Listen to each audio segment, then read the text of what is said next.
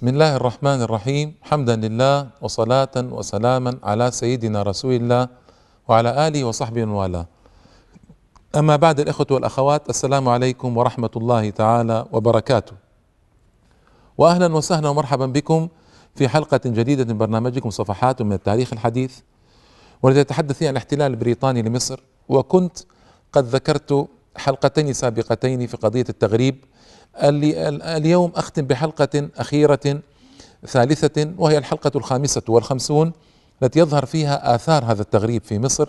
وأنه فعلا استجاب رجال مهمون في مصر لقضية التغريب هذه و آه، انتهوا في النهاية أن الإسلام لا يمثل عندهم منهج حياة. أنا ما أريد أن أكفر أحدا. هذا ليست قضية تكفير. أنا فقط أريد أن أقول إن الإسلام لا يمثل عند الرجال هؤلاء منهج حياة إطلاقا. لا في قضايا الأدب ولا في قضايا الاجتماع ولا في قضايا السلوك الشخصي ولا في قضايا التشريع ولا في قضايا الحكم ولا في أي قضية أخرى. اللهم إلا إن قلنا في قضية التعبد الذاتي والله أعلم بها هذا ليس لي علاقة بها. آه فمن أخطر الأشخاص الذين ظهروا أحمد لطفي السيد. أحمد لطفي السيد قيل عنه أنه أستاذ الجيل وأنه أستاذ عظيم وأن خذوا هذه الكلمة أستاذ الجيل. فأستاذ الجيل كلمة خطيرة. وخطيرة جدا. كيف هذا أستاذ الجيل؟ اسمعوا ماذا صنع. طبعا هذا الرجل آه يعني كان آه من حزب الأمة حزب الإنجليز وكان له منصب مرموق في كل آه مدد السياسة المصرية بعد ذلك. وكان بعض الأحيان هو الذي خاطب الإنجليز في مصر. وكان عضوا في حزب الأمة وسكرتيرا له. وهذا الحزب حزب الإنجليز الذي دخل فيه سعد زغلول وأحمد لطفي ومجموعة كانوا ضد مصطفى كامل والحزب الوطني وضد محمد فريد كما هو معلوم وذكرت ذلك قبل هذا. و أحمد لطفي السيد بعد ذلك في الجامعة المصرية وقضية قضية طويلة لكن اسمعوا. يعني هو أولا في قضايا عديدة. أولا دعا إلى قصر التعليم على أبناء الأعيان. باعتبار أنهم وحدهم هم الذين سيتولون الحكم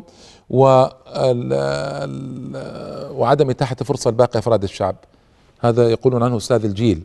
تصدى له مصطفى كامل وفند آراءه في هذه القضية لأن هذه قضية الإنجليز هذه قضية كرومر فكان هو يعني يردد أقوال كرومر باختصار شديد. يريد أن يجهل الشعب المصري يريد أن يبقي الشعب المصري في أمية غارقة فقط أبناء الطبقة العليا هم الذين يتعلمون. آه الدعوة العامية هذه من أسوأ ما قام به أحمد لطفي السيد ويبين بوضوح مدى خطر هؤلاء الأشخاص. هناك مهندس ري ري في مصر اسمه ويلكوكس. ويلكوكس هذا دعا إلى استعمال العامية استعمال العامية. عوضا عن الفصحى في التخاطب بين المصريين وفي كتابة الجرائد والمجلات والقصص والكتب المنهجية وكل شيء. ويلكوكس وكان يدعو إلى اجتماعات ظاهرها بريء انه يريد أن يحقق الخير للمصريين ويريد أن يرفع شأن المصريين وأن يجعل المصريين يرتقون في سلم الحضارة ويساهموا إلى كلام فارغ في كلام فارغ. المقصود هو تحطيم لغة القرآن وفصم العرى بين الشعب المصري وبين اللغة العربية الفصيحة الصحيحة. وللأسف الشديد سار في هذا التيار الذي سار قبله مولار وويلكوكس وأبرز ما دعا إليه هو تسكين أواخر الكلمات. ما الإعراب ليس ضروريا يعني تسكين أواخر الكلمات وإحياء الكلمات العامية وادخالها في صلب الفصحى والنزول بالفصحى إلى مستوى اللغة العامية في التخاطب.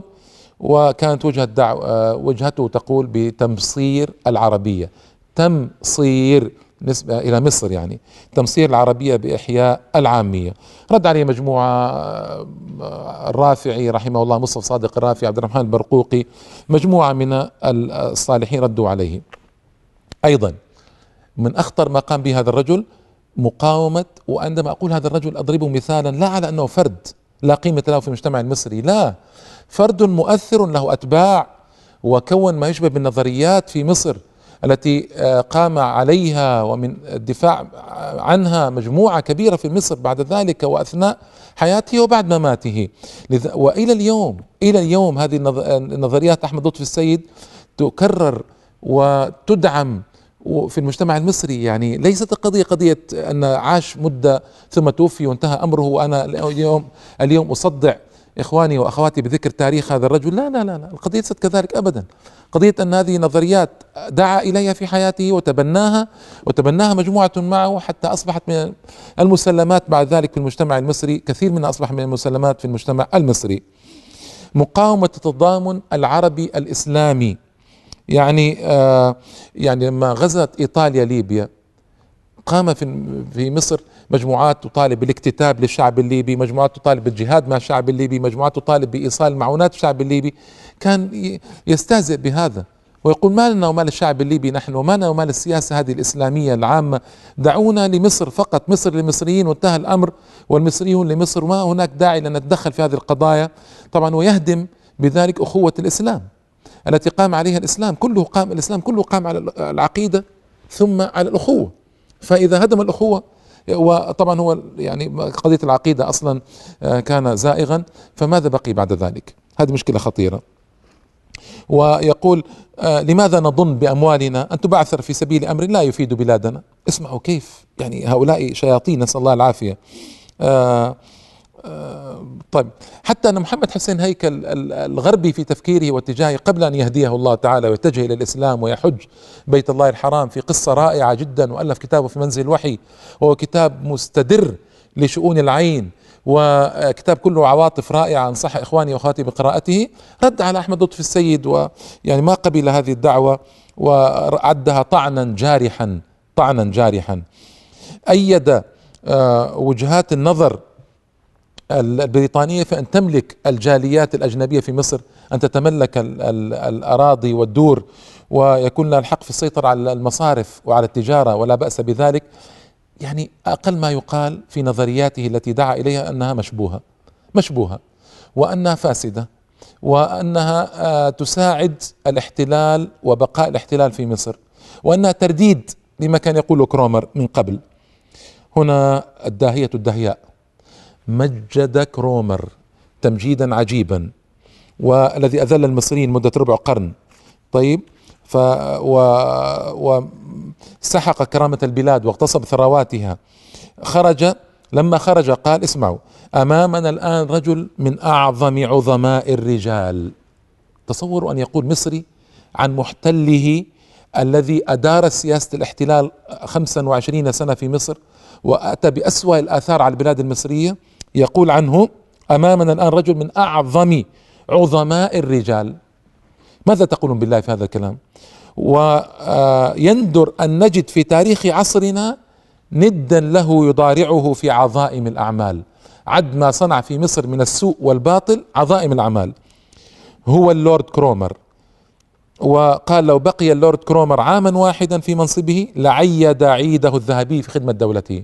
لأنه بقي 24 سنة وشيئا فما قضى 25 سنة فانظروا لهذا الباطل. وكرومر هذا آه، طبعا نشر هذا آه، أحمد لطفي السيد نشر في جريدة له له صحيفة كان اسمها الجريدة لسان حال الإنجليز والحزب الأمة يعني. فنشر هذا في الجريدة في اليوم الذي غادر فيه كرومر مصر وهو يسب المصريين ويستهزئ بهم في الأوبرا عندما اجتمع به المصريون وكرموه للأسف الشديد. رجال حزب الأمة وسعد زغلول وجماعة هذه وأحمد لطفي السيد كرموه للأسف الشديد في تكريم مذل ومهين.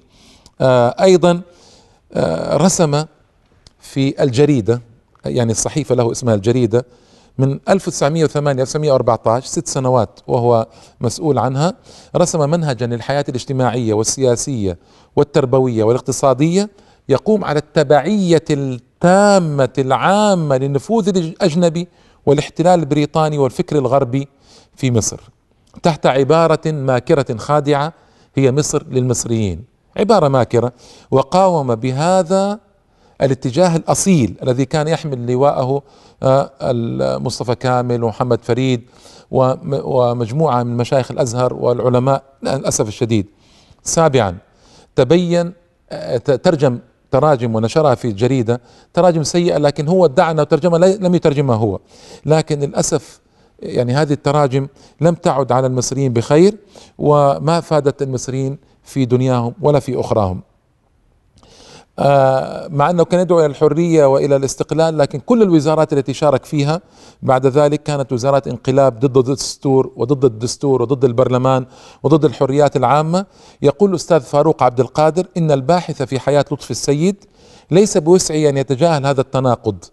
كيف للرجل الذي كتب مطالبا بالدستور مدافعا عن الحرية أن يشترك في وزارات عبثت بالدستور وصادرت الحرية كيف يشترك في وزارات طابعها الإرهاب والسطو على الحريات؟ الجواب عندي أن هذا الرجل ليس بصاحب مبادئ، سهل جدا هذا، ليس بصاحب مبدأ، الانسان إذا لم يكن صاحب مبدأ يسهل السيطرة عليه وتوجيهه كيفما شاء أصحاب القرار وأصحاب السيطرة في مصر.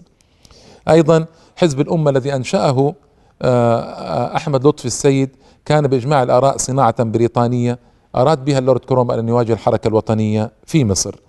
طيب آه هذا اذا اللورد آه أحمد لطفي السيد أعني هو أحد صنائع آه اللورد كرومر في مصر وأحد تلاميذ اللورد كرومر في مصر وممن تحسر طويلا على رحيل اللورد كرومر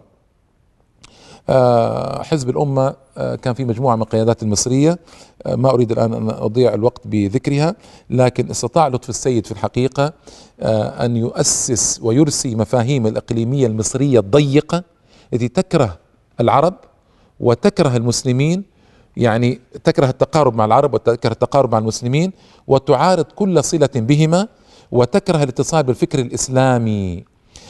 صور هذا المعنى مستشرق غربي. غربي هو ألبرت حوراني حين قال عن لطفي السيد كان يرى أن بريطانيا قوية وأن لها مصالح جوهرية في مصر وأن هي نفسها قد أعلنت عن بقائها في مصر إلى أن تصبح مصر قادرة على حماية المصالح وإذا لا يمكن إخراجها بالقوة.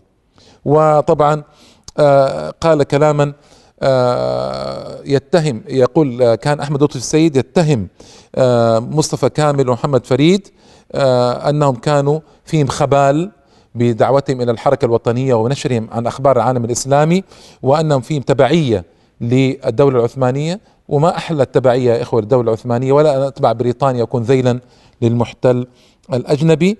وبين تماما ألبرت حوراني الكلام الذي قلناه عن أحمد لطفي السيد. وسآتي إن شاء الله تعالى بعد الفاصل أيضا بشواهد أخرى عن رجال التغريب في مصر آنذاك. فابقوا معنا.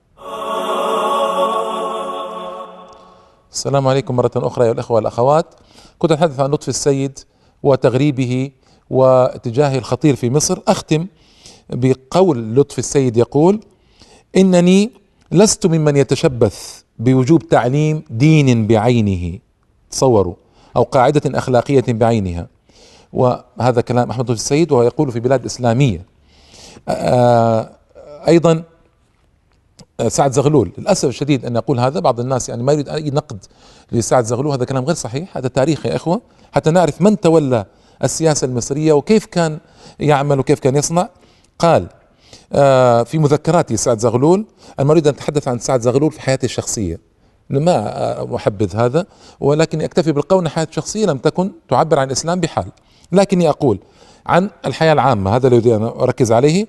قال لما تلقوا خبر عزل كرومر اسمع ماذا قال سعد زغلول. قال أنا في مذكراته يقول أنا كنت كمن تقع ضربة شديدة على رأسه أو كمن وخز بآلة حادة فلم يعد يشعر بألمها لشدة هولها. وكتب في موضع آخر يقول قد امتلأت رأسي أوهاما وقلبي خفقانا وصدري ضيقا. وسعد كان في مقدمة الداعين لإقامة حفل التوديع للورد كرومر. وكتب في مذكراته يعلن ضيقه بالذين انتقدوا كرومر عقب عزله وقال إن صفاته قد اتفق الكل على كمالها. تصوروا يا إخوة هذا الذي يقول هذا الكلام عن كرومر. من كرومر؟ كرومر يقول الدين الإسلام دين مناف للمدنية. ولم يكن صالحا إلا للبيئة والزمان اللذين وجد فيهما. كرومر يقول إن المسلمين لا يمكنهم أن يرتقوا في سلم الحضارة والتمدن إلا بعد أن يتركوا دينهم. وينبذوا القرآن وأوامره ظهريا لأن القرآن يأمرهم بالخمول والتعصب ويبث فيهم روح البغض لمن يخالفهم. وحب الانتقام وإن المانع الأعظم والعقبة الكؤود في سبيل رقي الأمة هو القرآن والإسلام. تصور هذا كلام كرومر الذي يمجده سعد زغلول هذا التمجيد ويمجده أحمد لطفي السيد هذا التمجيد. ثم يقول كرومر إن الإسلام يناقض مدنية هذا العصر ويطعن في شريعة الإسلام وسياساته وتعامله. ويهاجم القرآن ويقول إنه ينافي العمران ويهاجم الإسلام. وكرومر في كتابه مصر الحديثة هاجم الإسلام آه، ودعا إلى احتقار العرب والمسلمين وكراهية الشرق وأن الرجل الأبيض أن يؤمن ينبغي للمصريين أن يؤمنوا بأن الرجل الأبيض له حق تمدينهم تمدينهم أي جعلهم مدنيين. هذا كرومر هو الذي يمدحه أستاذ زغلول هذا المدح وأحمد لطفي السيد هذا المدح. حتى نعرف إلى أي مدى وصل التغريب في مصر آنذاك. وإنا لله وإنا إليه راجعون. آه طبعا يأتي كاتب آخر نسأل الله العافية اسمه سلامة موسى أحد المصريين الأقباط ويقول آه نحن الآن نجد أنفسنا مترددين بين الشرق والغرب. لنا حكومة منظمة على الأساليب الأوروبية ولكن في وسط الحكومة أجسام شرقية مثل وزارة الاوقاف والمحاكم الشرعية تؤخر تقدم البلاد. اسمعوا. لنا جامعة تبعث بيننا ثقافة العالم المتمدن لكن جامعة الأزهر تقف إلى جانبها تبث بيننا ثقافة القرون المظلمة أي الإسلام يسميها ثقافة القرون المظلمة.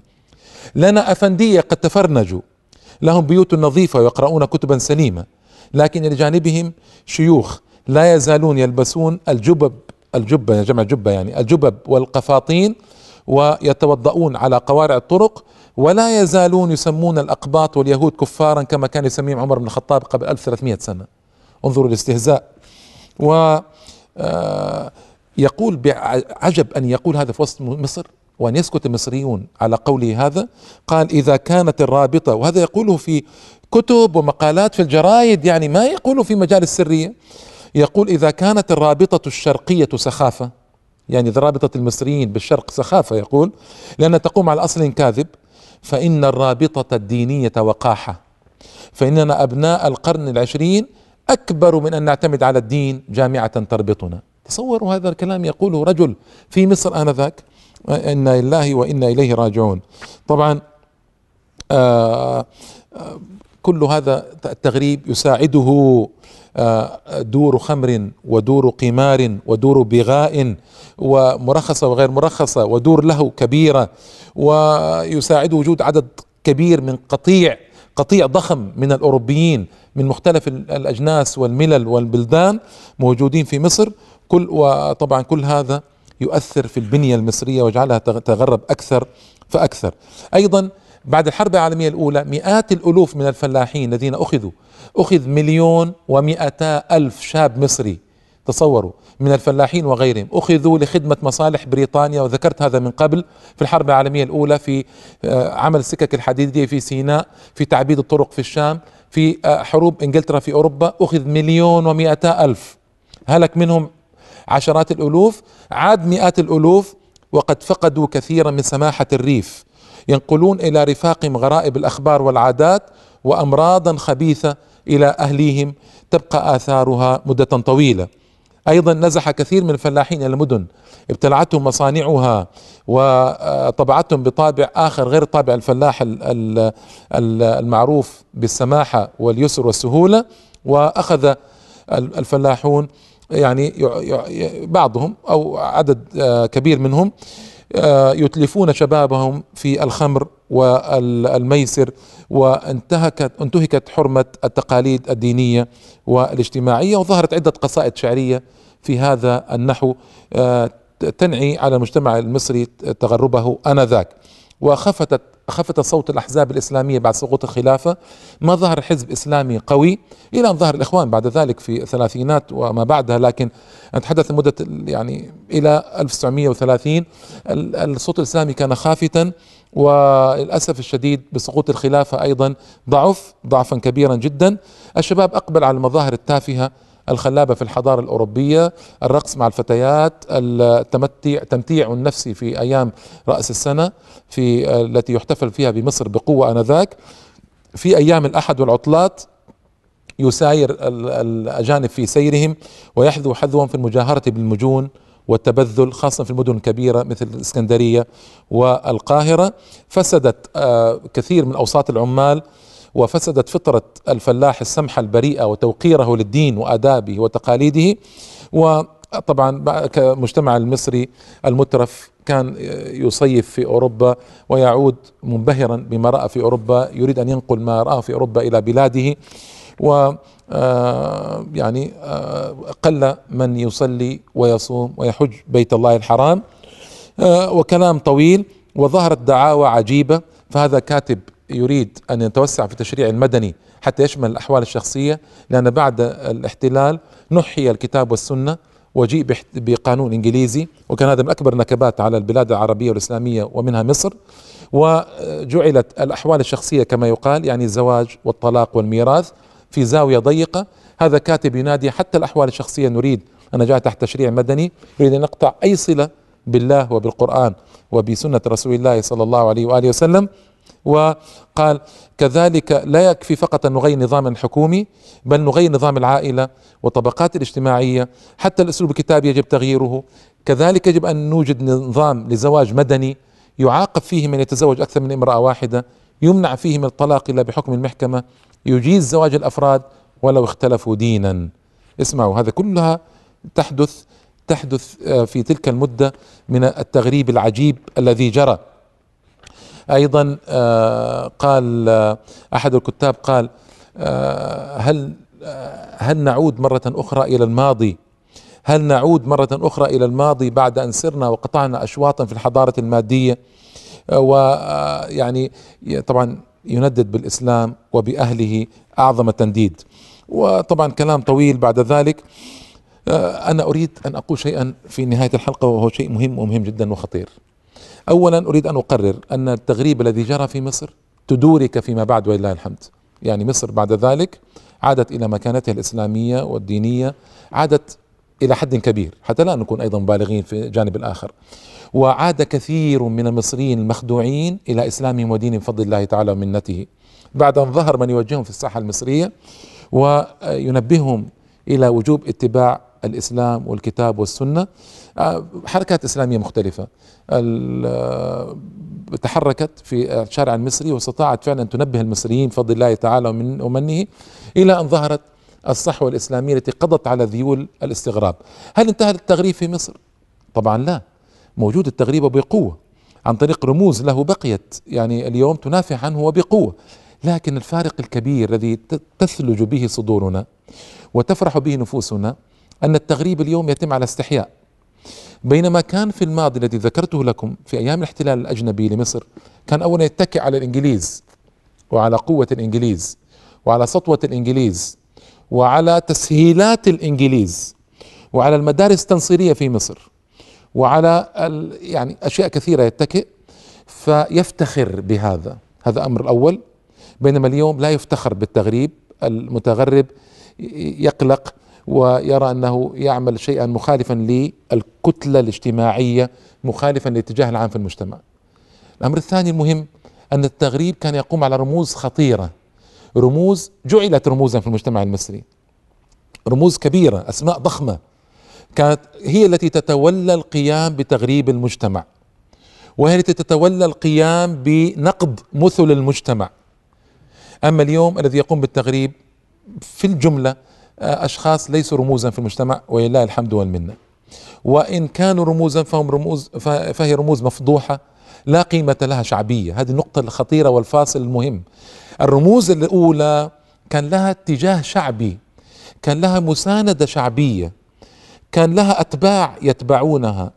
اليوم وجدت وجد موجودة الرموز هذه يعني بعض الرموز يعني موجودة تدير المجتمع المصري في تغريبه لكن هذه الرموز ليس لها سند شعبي اولا. رموز مفضوحة في اتجاهها ثانيا. يعني أحمد لطفي السيد مثلا كان آه، آه، كثير من الناس مخدوعا به لكن اليوم لا يخدع الناس بالرموز هذه. التي جعلت رموزا في المجتمع وأعلي شأنه ولا يخدعون بها. يعلمون يعلمون من هي وتاريخها ويعلمون أنها لا قيمة لها. بينما هنالك في المجتمع في آنذاك في الوقت الاحتلال الأجنبي الإنجليزي لمصر الناس كانت مخدوعة بهؤلاء وهذا مكمن الخطر لأنهم يسيرون وراءهم سير الأعمى الذي يتعلق بقائده حتى لا يسقط في الحفرة. فإذا فإذا بقائده فإذا بقائده يسقطه في حفرة هائلة عظيمة. اليوم الحمد لله المجتمع المصري عاد والمجتمعات الإسلامية عادت الشعوب الإسلامية والعربية بالتعبير أصح عادت إلى الإسلام بقوة وما عادت حيل التغريب تنطلي عليها وأصبح الطريق واضحا أمامها بقي أن تسلكه بقي إن شاء الله تعالى أن نصل إلى ما نريد من عز وتمكين الحلقات القادمة وهي حلقات قليلة بقيت على نهاية هذا البرنامج. سأخصصها إن شاء الله تعالى للكفاح والجهاد والنضال إلى أن يسترد يسترد الشعب المصري حقوقه ويحصل الجلاء التام لبريطانيا والانقلاع عن مصر. بفضل الله تعالى إلى غير رجعة. إلى اللقاء. والسلام عليكم ورحمة الله وبركاته.